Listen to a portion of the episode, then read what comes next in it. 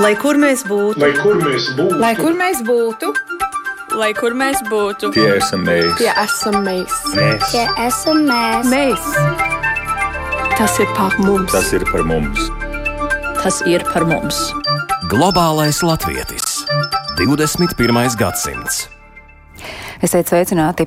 Pagājis nu jau vairāk nekā pusotra gada kopš kara sākuma Ukrainā, un pa šo laiku Latvijā ir ieradušies ne tikai Ukraiņi, bet arī daļa tautiešu, kuri līdz šim dzīvoja Krievijā. Viņi vienkārši ir atgriezušies dzimtenē Latvijā, bet šoreiz mēs vairāk fokusēsimies uz tiem, kuri tomēr ir palikuši Krievijā, jo skaidrs, ka visi nevar atbraukt un pārcelties uz Latviju.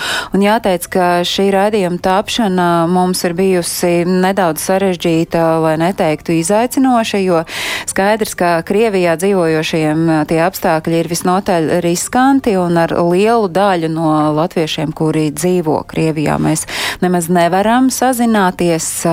Visu pirmām kārtām jau domājot par šo cilvēku drošību. Un tomēr mēs runājot par diasporu nedrīkstam nerunāt par, par tautiešiem, kuri dzīvo Krievijā, un tieši tāpēc mēs šoreiz centīsimies uzzināt pēc iespējas vairāk, kādas šobrīd ir saiknes Latvijai ar diasporu austrumos un arī tā viņu iespēja sazināties ar Latviju. Un par šo tematu uz sarunu mēs šeit studijā esam aicinājuši ārlietu ministrijas speciālu uzdevumu vēstnieci diasporas jautājumos Elitu Gabeli. Sveicināti! Sveiki! Latviešu valodas aģentūras pārstāvē metodiķa Aija Otomēra ir šeit studijā. Sveicināti, Aija!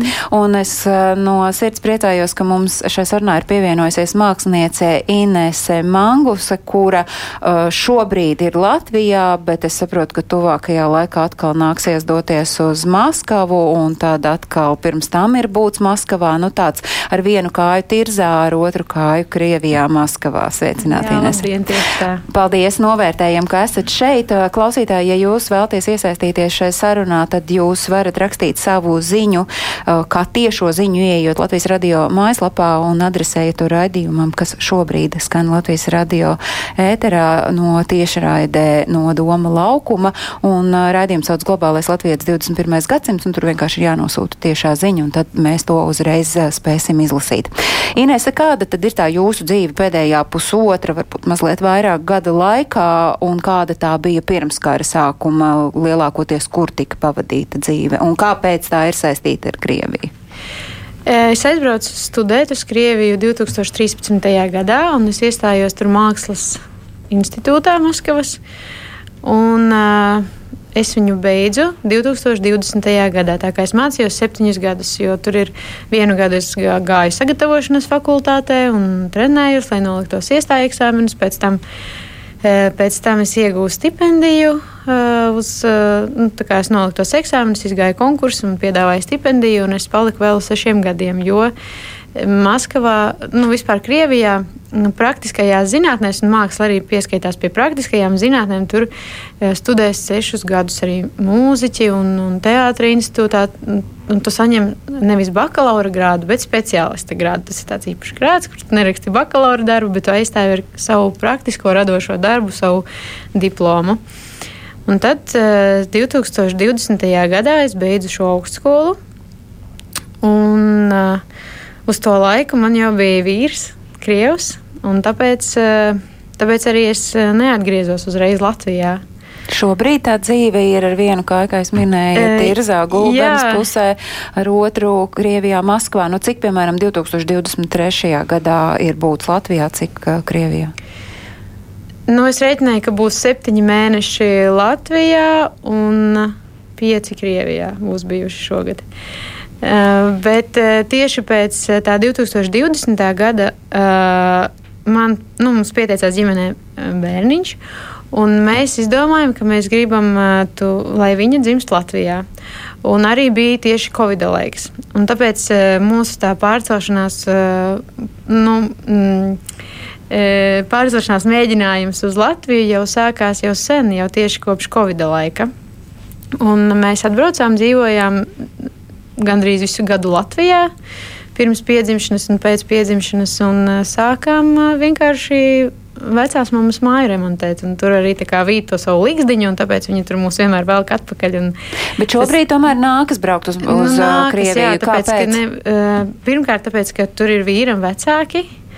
Un viņi ir, nu, viņiem jau ir cienījams vecums, viņiem ir jāpalīdz. Un, un arī nu, meitai ir īpaša saikne ar vecmāmiņu. Tāpēc, uh, Tāpēc mēs braucam uz turieni, un arī ir, da, nu, ir nu, uzpeld vis, kaut kādas darīšanas, kuras ir jānokārto, kuru dēļ mēs atgriežamies. Tur, piemēram, ja mēs izīrējam kādu telpu, no kuras mēs esam aizgājuši arī ar to nu, kādas problēmas bieži vien, un tad mums jābrauc atpakaļ viņas risināt. Nu, bet eh, šobrīd, kad jums ir plāns braukt eh, uz Krieviju? Uh, oktobrī. No, Brauksim, kā jā. tā braukšana notiek? Es pieļauju domu, ka daļai klausītāji tas šķiet vispār kaut kāds kosmos, jo ir tāda sajūta, ka šobrīd, lai nokļūtu Krievijā, tas ir pirmkārt neiespējami, un otrkārt tas ir arī gana bīstam. Nu, ir tā, ka latviešiem ceļš uz Krieviju īstenībā ir atvērts un ir elektroniskās vīzas, un tur nav nekādu problēmu. Tieši, tā, eh, tieši problēma ir tā, ka Krievi nevar atbraukt uz Latviju. Tieši tāpēc arī vecmāmiņa un vectētiņš nevar piemēram, pie mums atbraukt. Mums jābrauc visu laiku pie viņiem. Jo viņi ir Eh, Krievijas pilsoņi. Jā, jo viņi ir Krievijas pilsoņi. Un, uh, Mums uh, tā braukšana visu laiku notika ar savu personīgo mašīnu, kurai bija Krievijas numuri. Un tad tā braukšana notika diezgan ērti ar visu ģimeni. Mēs uh, mierīgi Nu, 13 mašīnā un stundām brauc atbraucām. šobrīd? Jā, šobrīd mēs uh, izmantojam vilcienu līdz Pleskavai, no Maskavas līdz Pleskavai. Pleskavā mēs pārsēžamies uz taksi. Taksis aizved mūs līdz robežai Šumilkina, kas ir arī Gaunija, un tur mēs pārējām ar kājām. Un otrā pusē mūs jau sagaida kā cilvēks, tētis, mamma, ko mēs esam sarunājuši un aizdevuši tirzu. Tas uh, ir uz šo pusi Uz braucot, nu, uz atpa- un uz atpakaļ otru tā- pusi tas pats pats. būs, uh, Braucot princips. uz šo pusi, tā sirds ir mierīgāka nekā braucot uz uh, Krieviju. Jā, Nu, jā, man ir ļoti liels vienmēr uh, entuziasms braukt uz Latviju, un es jau vienmēr arī skubinu, tā kā lai mēs ātrāk uh, atbrauktu. Bet uh, nu, no tāda drošības viedokļa raugot uz turieni, braucot arī tagad oktobrī nāksies braukt, vai tu jūties droši esot tur?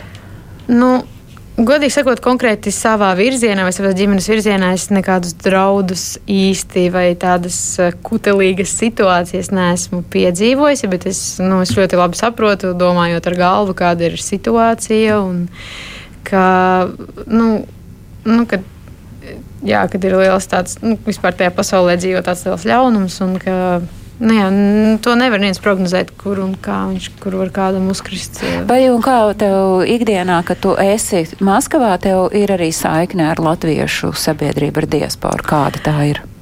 Tad, kad es mācījos uh, institūtā, man bija diezgan liela saikne, jo uh, bija studenti no Latvijas arī.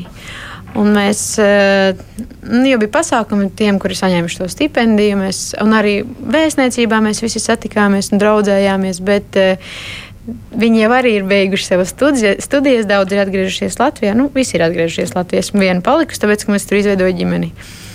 Un, uh, Un Bet šobrīd? Jā, ļoti ilgu laiku vispār nebija nekāda saistība ne ar vienu latvieti, un arī vēstniecība kopš Covid pārstāja organizēt jebkādus. Viņi vienmēr organizēja Jāņus, 18. novembrī. Es tur vienmēr kādu iepazinos, un tas bija ļoti jauki un mīļi, un mēs tur sanācām kopā. Bet eh, tad tas viss pārtrūka Covidā, un tad atkal karš, un tad vēstnieku atsauca, un tad arī viss tur pārtrūka. Bet eh, šajā rudenī es saņēmu zvanu no vēstniecības. eh, ka vajadzētu, ka viņiem nav mākslas skolotāja, viņi ir latviešu skolā. Tā ir tāda uh, skoliņa Latvijas piederīgiem, nu ne tikai Latvijas piederīgiem, tas, tas visdrīzāk ir tādām ģimenēm, kur ir viens latvietis un viens krievs. Un visdrīzāk, ka tiem bērniem visu laiku tiek uh, komunikācija notiek krievu valodā, bet vecāki tomēr grib, lai viņiem ir kaut kāda saikne. Nu, tā ir tā klasiskā Jā. latviešu skoliņa, kas patiesībā visā pasaulē darbojas. Jā, viņa tika uh, dibināta 1994. gadā. Jānis Peters, pirmais vēstnieks, viņu dibināja. Un šogad ir 30 gadi, un tad man uzaicināja palīdzēt sagatavoties bērnu, nu, kādu mākslas uh, izstādi, palīdzēt uh, darbojoties uh, tajās svētdienās un sestdienās, izveidot 30 gadai par godu. No Ineses stāstītājas saprotu, nu, ka tāda zināmā mērā tā latviešu diasporas dzīve vismaz uh, lielajā pilsētā Maskavā ir uh, nu, kaut kādā ritmā notiek. Es skatos uz uh, ārlietu ministrijas speciālo uzdevumu vēstniece diasporas jautājumos Elita Gavel. Kāda ir tā jūsu sajūta, kāda, kāda noskaņa valda diasporā? Krievijā? Um, es pat uh, neteiktu, ka tikai lielajās pilsētās. Es tomēr teiktu, ka labi bija uh, Covid, kas mūs visus apturēja no tikšanās, no tādiem lielākiem pasākumiem, bet neraugoties uz karu, neraugoties uz kara sākumu, un es abrīnoju un varu izteikt milzīgu pateicību mūsu kolēģiem Maskavā, mūsu vēstniecībā Maskavā, kuri uh, tomēr. Uh, ir visu šo trako laiku uzturējuši aktīvu dialogu ar diasporu, jo mums ir 11 organizācijas, un viņas visas ir labi, vairāk vai mazāk, bet viņas visas ir aktīvas. Tas un, ir 11 Krievijā. Krievijā, 11 Krievijā, jā. Un uh, es varu pateikt par to periodu, kad es sāku strādāt uh, kā diasporas vēstniece, tas ir no 20. gada, nu jau trīs gadi, un es palūdzu arī vēstniecībai atsūtīt to sarakstu, kur ir bijuši mūsu diplomāti diplomāti, kur ir bijis mūsu vēstnieks, nu, nav bijusi neviena vieta, kur vēstnieks nebūtu bijis. Arī neraugoties uz to, bija vizītes pat pēc uh, kara sākuma, pēc agresijas, Krievijas agresijas sākuma. Tā kā Pēterburga, Omska, Aušbebri, Smoļenska, Pleskava, tur varētu saukt un saukt. Un arī tad, kad mēs pazeminājām mūsu diplomātisko attiecību līmeni un palika tikai pilnvarotais Lietvedis, arī tad Dāca Rutka turpina komunicēt ar visām biedrībām. Man bija milzīgs prieks. Mēs gan no ministrijas neviens nebraucām, bet bija 22. gada novembrī, karš jau gāja pilnā sparā, bija norganizēta pat vēstniecībā visu diasporas vadītāju sanāksme, kas, lai tas nebūtu tā, lai jūs nedomājat, ka tas ir tāds, nu, tāds formāls pasākums, tas tomēr ir tāds Latvijas valsts atbalsts un tāda, nu, tāda viņu morālā gara uzturēšana. Bet tādā ikdienā saziņa nu, ir apgrūtināta domāta, vai tomēr eh, nu, tādā uh, jums ar diasporas organizācijām Krievijā tur kas pie viņiem notiek, jūs zināt? Mēs zinām, ir... kas tur notiek, un vislabāk to zina vēstniecība. Un, uh, jau tad, kad uh, mēs jutām un mēs redzējām klātienē to, ka uh, Putina režīms kļūst ar vien agresīvāks, un arī tas likums par tiem ārvalstu aģentiem, tiklīdz tev ir kāds ienākus nauda kontā no kādas Eiropas valsts, mēs to jutām ļoti labi, ka mums jāstiprina tās biedrības, jo tie laiki bija traki, Covid, pēc tam karš un mēs saprotam, ka tikai ar Latvijas valsts atbalstu viņiem ir jāizdzīvo šajā bet laikā. Šobrīd uh, biedrības saņem finansiālu atbalstu Jā, no Latvijas, un tas neapdraud. Tas, eh, t, protams, mēs nesūtām uh, finansējumu uz biedrību oficiāliem kontiem, jo tiklīdz kontā iekrīt nauda no kādas Eiropas Savienības uh, valsts, un šajā gadījumā īpaši no Latvijas, kas ir Krievijā pasludināta par ļoti nedraudzīgu valsti Krievijai, mēs atrodam tos risinājumus, kādā veidā mēs viņiem palīdzam. Un, un katru gadu, 20, 21, 22 gads, mums ir vairāki simti finansējums viņu projektiem, patriotiskiem patriotiskiem projektiem, tāpat viņi svin 18. novembri un lieldienas un visus pārējos pasākumus. Izvairoties no tādiem ļoti politizētiem pasākumiem, protams. Tātad eh, nav aizmirstas uh, latviešu uh, diasporas organizācijas, uh, bet tos veidus mēs, uh, lai cik mēs gribētu atklāt, mēs neatklājam šai raidījumā un sabiedriskajā mēdījā, kā tieši tas tiek nofinansēts. Uh, dzirdot, ka Inese kā māksliniece saka, ka viņa ir uzaicināta strādāt latviešu skolā Maskavā, tad es skatos uz Āju Otomeru, kur pārstāv latviešu valodas aģentūru, arī skolas Krievijā latviešu skolas turpina darboties. Latviešu Mainot. skola, Maskavas Latviešu skola, kas darbojas eh, vēstniecībā, turpina darboties. Eh, Pārējās Sanktpēterburgā mm, tika likvida, aizvērts ģenerāla konsulāts un arī skolai vairs nebija telpu. Uh, cik es zinu, tad var būt uz kādiem pasākumiem kaut kur fragmentāri skola tiekas, bet tas vairs nav tāds darbs. Taču viņi vēl arī kara laikā jau pagājušajā gadā joprojām brauc viens pie otra, teiksim, tā kopienas sajūta tiek uzturēta. Tātad Sanktpēterburgas latviešu skolas skolotāji un bērni viesojās pie Maskavas latviešu skolas. Un, arī agrāk tā ir bijis gan Baškīrijas pārstāvi braukuši, gan arī no tāliem augšbebriem. Bet šobrīd tā pilnvērtīgi bērniem, pusauģiem, jauniešiem strādā tikai Maskavas latviešu skola.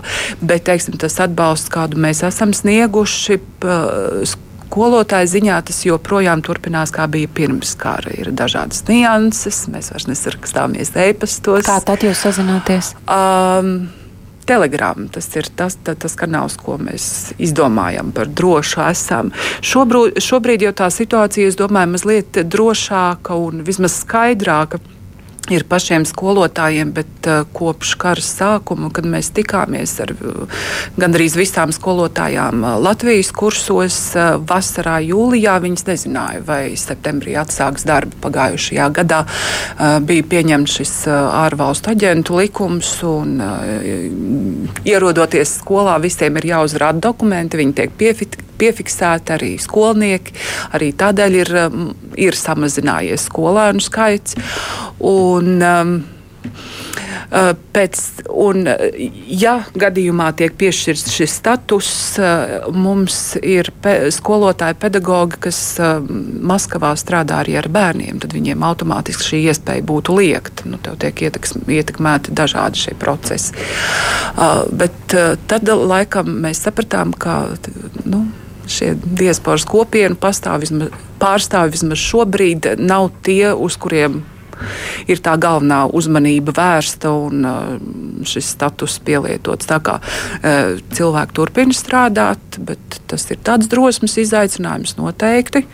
Arī saturs. Um, par saturu es tik smalki nes, nevarēšu pastāstīt, bet eh, vienmēr eh, Maskavas Latviešu skolā ir bijusi uh, vēsture, bet arī es domāju, vienmēr ir bijuši jautājumi, par kuriem acīm redzot, mazliet noklusē vai pusvārdā, vai, vai vispār neaizskar jā, kaut kādus konkrētus kā, tematus. Tā kā tas ir skolotāju laipošanas un tādas virtuz, virtuozitātes un tādi jautājumi. Nu, Inesai klausoties tagad mākslas stundās būs nu, īpaši rūpīgi jāpiedomā vispār par ko runāt ar skolēniem. Īpaši zinot, ka tu esi atbraukusi skolotāju no Latvijas.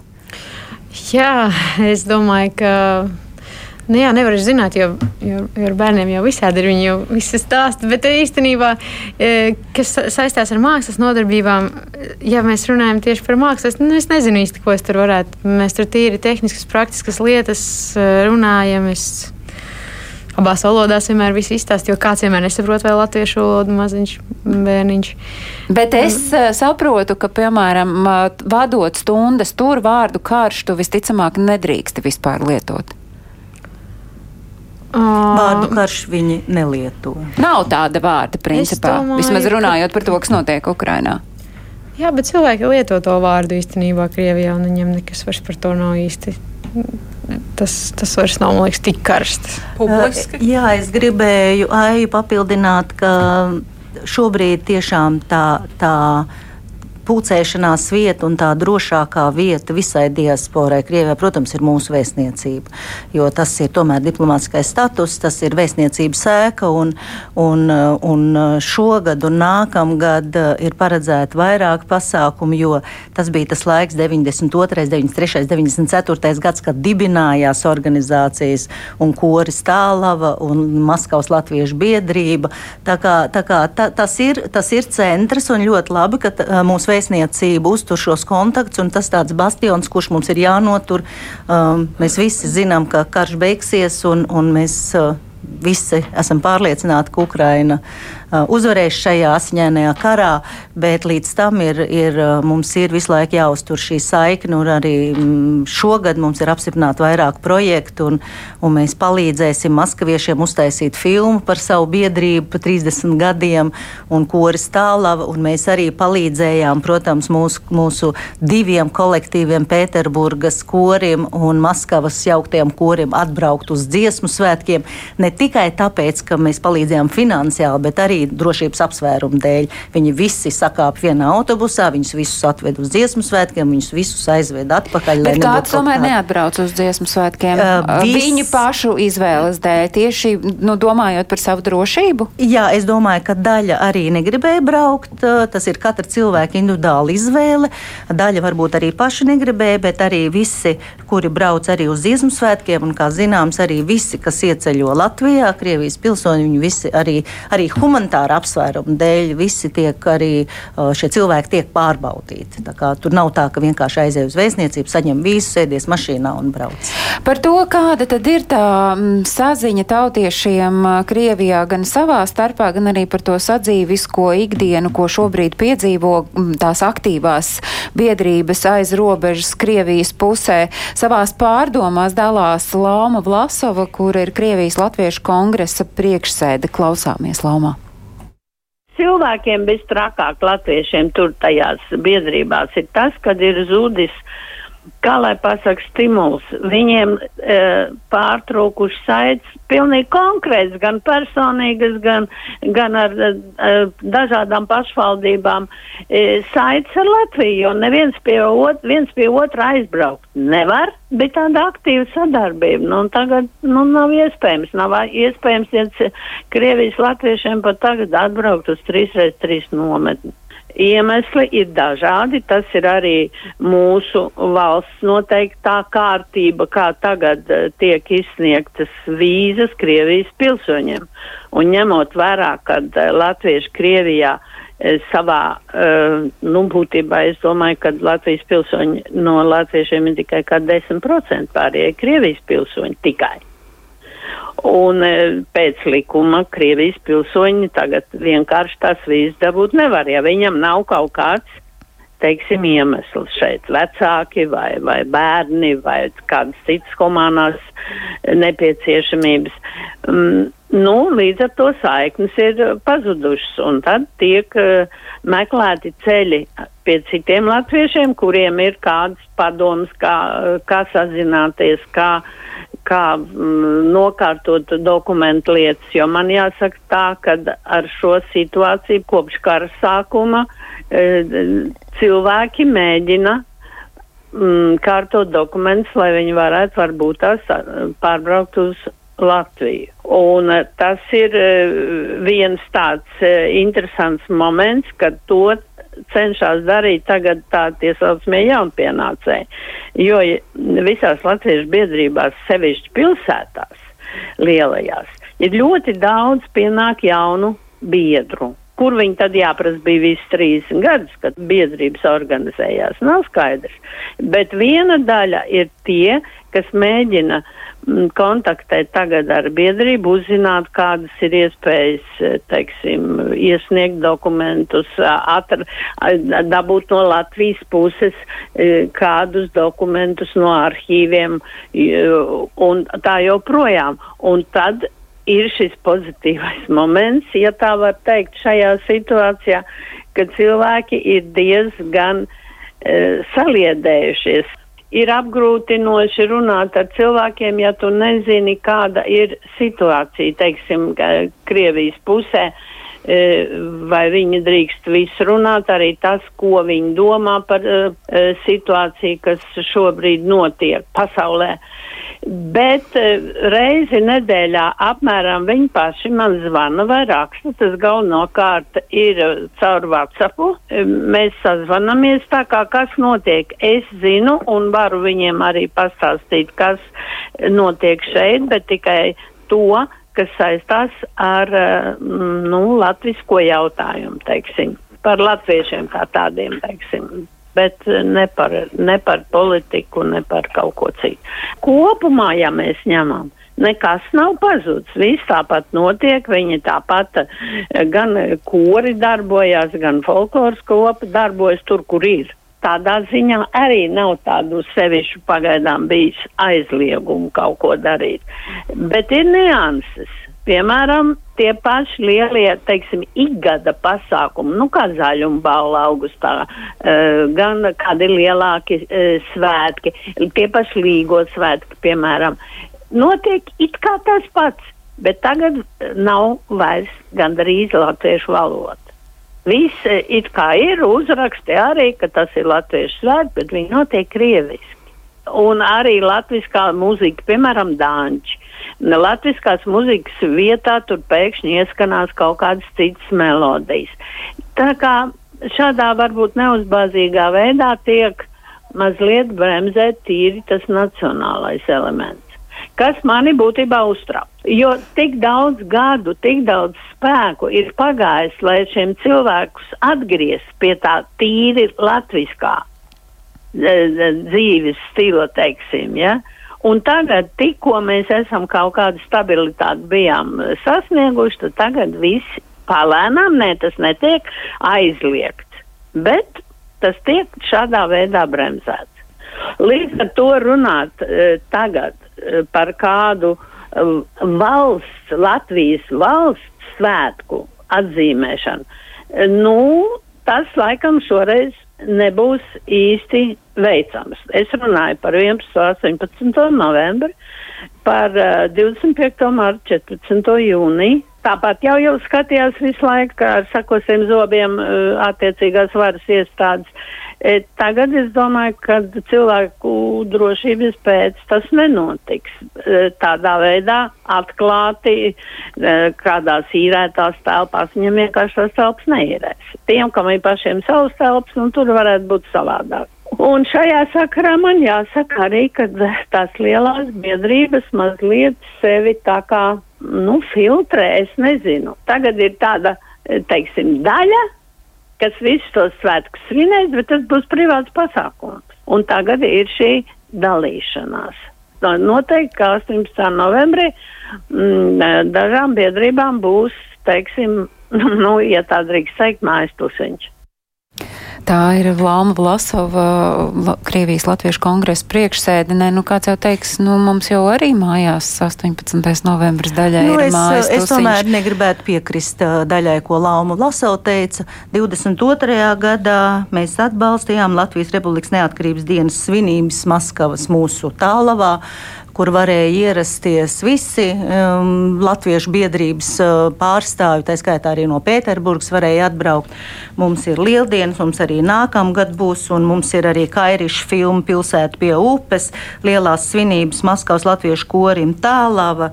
Uh, tā kā, tā kā varbūt uh, Lauma nezina īsti visus tos projektus, jo mēs jau viņus visus apstiprinām. Un, un, bet viņi arī realizējas. Bet viņi notiek? arī realizējas, tie projekti arī realizējas, un mums ir arī visas fotogrāfijas, jo viņi jau sūta arī atskaits par šiem projektiem. Kā... Bet es domāju, redz, Lauma saka, ka viņai ir saziņa Vācijā. Aija saka, ka Latviešu valodas aģentūrai ar skolotājiem tomēr ir nu, nācies pāriet uz citu saziņas vietni. Kā jūs sazināties? Tā ir tāda brīva saziņa, tā saziņa vispār nav apgrūtināta. Saziņa notiek ar pēcniecību un diasporas organizācijām. Un šo saziņas veidu, vai tā ir saraksti, vai tie ir ēpasti, to nodrošina mūsu vēstniecība Maskavā, kuras tiešais pienākums ir uzturēt to ikdienas kontaktu, cik tas ir iespējams un kādos formātos tas ir iespējams.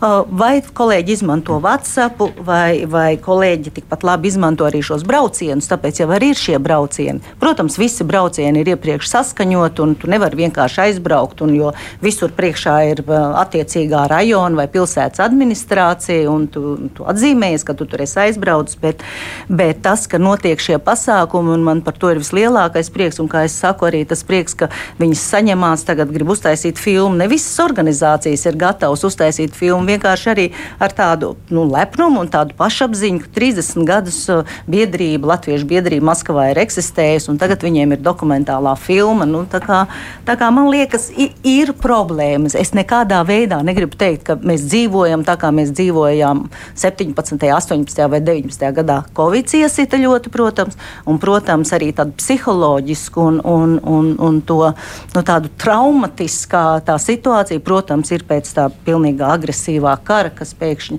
Un to, ko, to, ko Vlasovs kundze teica, jā, protams, ir paaugstināt interesi par repatriāciju. Jā, es tieši domāju, kāda ir tā informācija, cik uh, uzreiz karam sākoties bija to cilvēku, kuri gribēja atgriezties. 22. Tagad...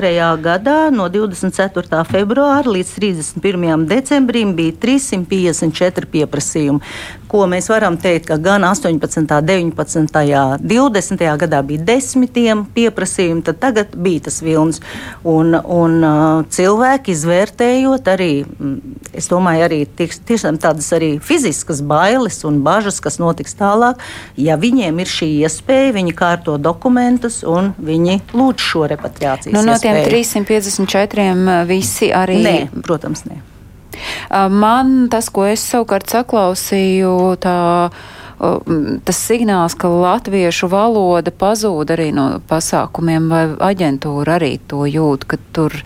Un tad es domāju, no kurienes tam aug kājas, ka tā valoda pazūd pasākumos. Zaļumbala ir bijusi augšbebros, kas ir taras, taras un omskas apgabals. Uh -huh. Un tu, un tie nav izsūtīto pēcteči, tie ir tie, kas ir izbraukuši ceru laikā, kad zemes deva. Un, uh, tur, teiksim, vietējā vara mm, ļoti atbalstīja šo, šīs eh, etniskās minoritātes un deva arī kaut kādu papildu finansējumu šiem pasākumiem. Es domāju, ka šī publiskā pasākuma valoda ir tātad Krievu kaut kāds tas iepludinātājs, kā ne, nemanām parādīt, eh, nu, kas ir eh, galvenais. Bet, protams, ka gan pasākumu vēstniecībā, gan privātie pasākumi joprojām būs latviešu valodā. Un tas, par ko es nepateicu, bet kas joprojām turpinās, turpinās tāpat kā līdz šim, par ko Lauma teica, ka kopas turpina darboties. Mums ir divi attālinātie skolotāji, kas strādā ar pieaugušajiem arī lielajās pilsētās. Es arī varbūt nesaukšu, kas un kā. Un tāpat ir tas gan ir kādā pilsētā arī nu, manāmāks, manāmāks liels pieaugums vēlme pēc latviešu valodas apgūst, bet tad mēs arī izvērtējam kopā ar vēstniecību šos, kas piesakās apgūt to valodu ka viņi ir akceptējami. Tā kā iespējams ir arī kaut kādas nu, šādas intereses, kas vēlas nu, pārkārtot savu dzīvi. Un arī šobrīd joprojām ir cilvēki, kuri signalizē, ka viņi gribētu pārcelties uz uh, Latviju un dzīvot šeit. Jā, 31. jūlijā šogad uh, beidza. Uh, strādāt vai beidz darboties repatriācijas likums. Tad, tad visi tie, kas iesniedza līdz šim 31. jūlijam, un tie ir 216 repatrianti, šobrīd šīs lietas ir izskatīšanā. Daži jau ir saņēmuši akceptu, daži, dažu, dažu lietas vēl tiek izskatītas, bet tā kā repatriācijas likums ir beidzis darboties, tad tad ar to arī beigsies šī plūsma no, no Krievijas. Latvijas pilsoņi var braukt un dzīvot, iet runa šoreiz par Krievijas pilsoņiem, kuri, kuru ģimenes locekļi ir vai līvi vai latvieši, kuri meklē tieši to, ko Lauma teica, ka meklē arhīvos dokumentus, pierādījumus. Nu, Kā. kā savukārt, Ines, jūsu gadījumā ar pārcelšanos uz Latviju skaidrs, ka šobrīd oktobrī jūsu ģimenes ceļš, kurā tu esi Latviete, vīrs ir Krievs ar Krievijas pilsonību Jā. un uh, bērns, kurš ir? Viņam ir abas pilsonības. Jūs tagad uh, brauksit uz, uz Krieviju, bet uh, loģiski, ka Maskavas skolā to arī kā skolotājs teikusi, ka tu strādās tikai līdz decembrim, jo tā doma ir, ka jūs kādā brīdī atgriezīsieties pārcelties un pārcelsieties uh, pavisam uz dzīvi uz Latviju. Un Jā. tad uh, kāds noteikti klausās, kā ir tavam vīram šobrīd vispār tā iespēja nokļūt Latvijā?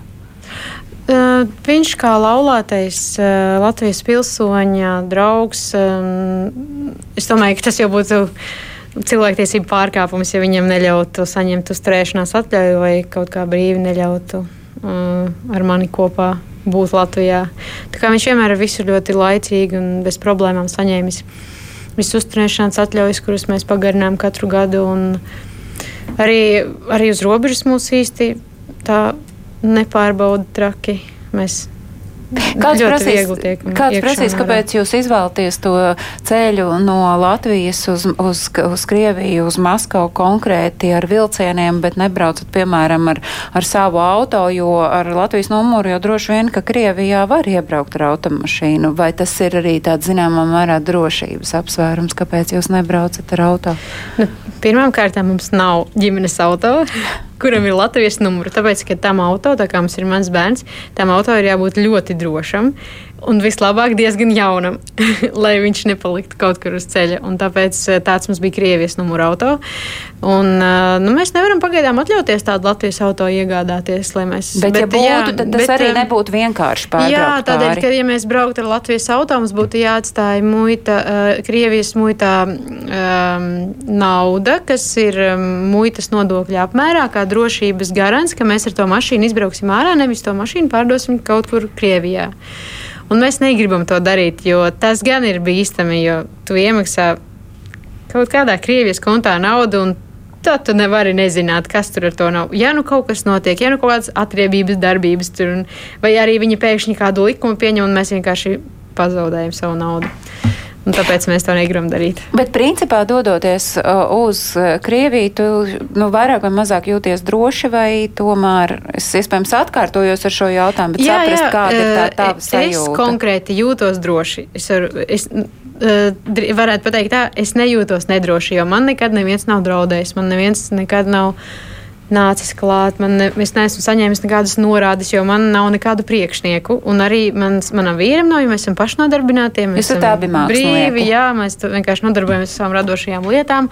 Mums ir savi projekti, un tā kā mēs neesam iesaistīti pilnīgi nekādā institūcijā, kas ir saistīta ar Krievijas budžetu.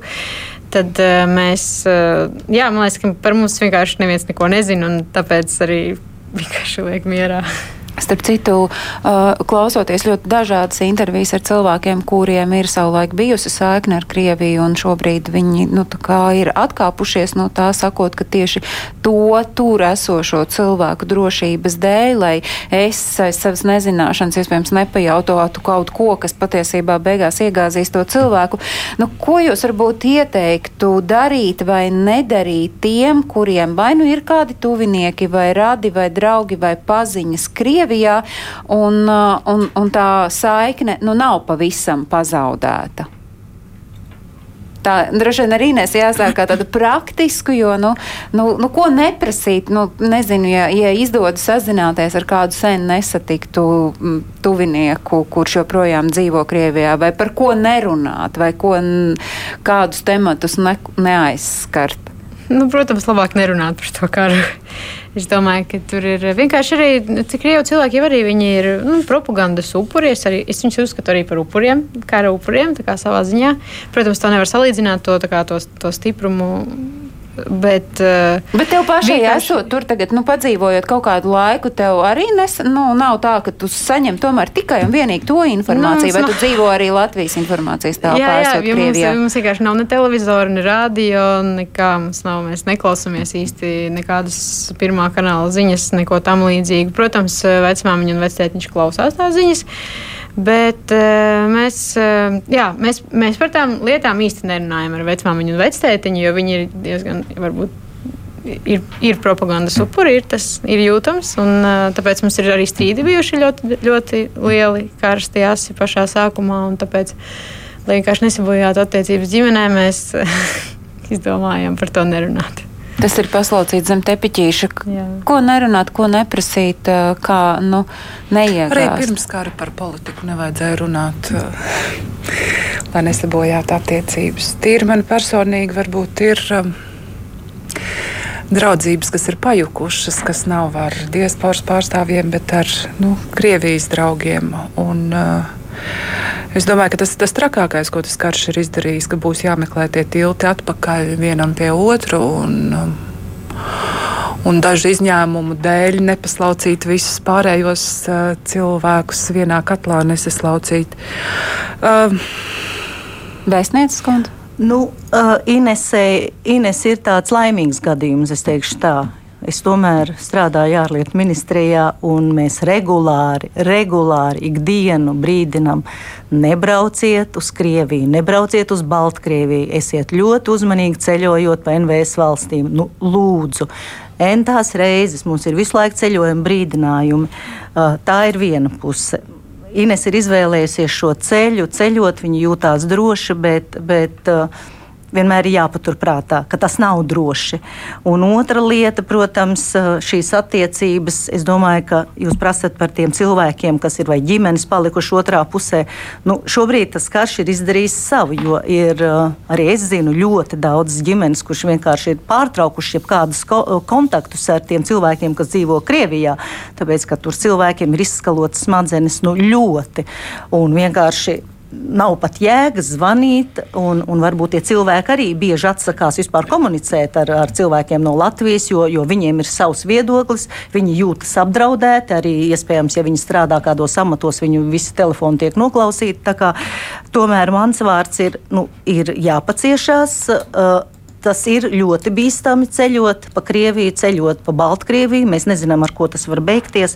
Un vienkārši komunicēt tik, cik var komunicēt, un, un, um, un sagaidīt, kad tas jā. Paldies! Šai reizē pieliekam daudz punktu ar cerību, ka pēc kāda laika mēs atkal varēsim par šo tematu runāt jau pēc kara noskaņās ārlietu ministrijas speciāla uzdevuma vēstniece diasporas jautājumos Elita Gaveli, Latviešu valodas aģentūras pārstāva metodiķa Aija Otomera un māksliniece Ines Mangus, kura ar vienu kāju dzīvo Latvijā šobrīd, ar otru Krievijā, Maskavā.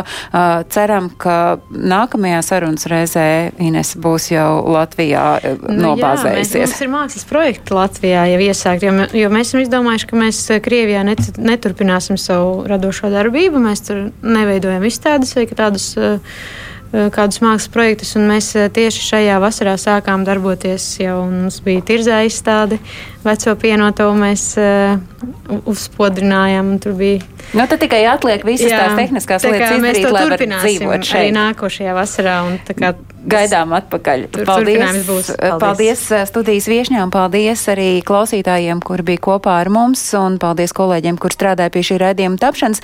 Es atgādinu, ka ārpus Latvijas dzīvojošiem aktuālo notikumu kalendārs ir meklējums portālā latviešu.com. Šis ir raidījums, kuru atkārtojums skan katru svētdienu uzreiz pēc ziņām trijos. Lai visiem ir jauka diena un atā!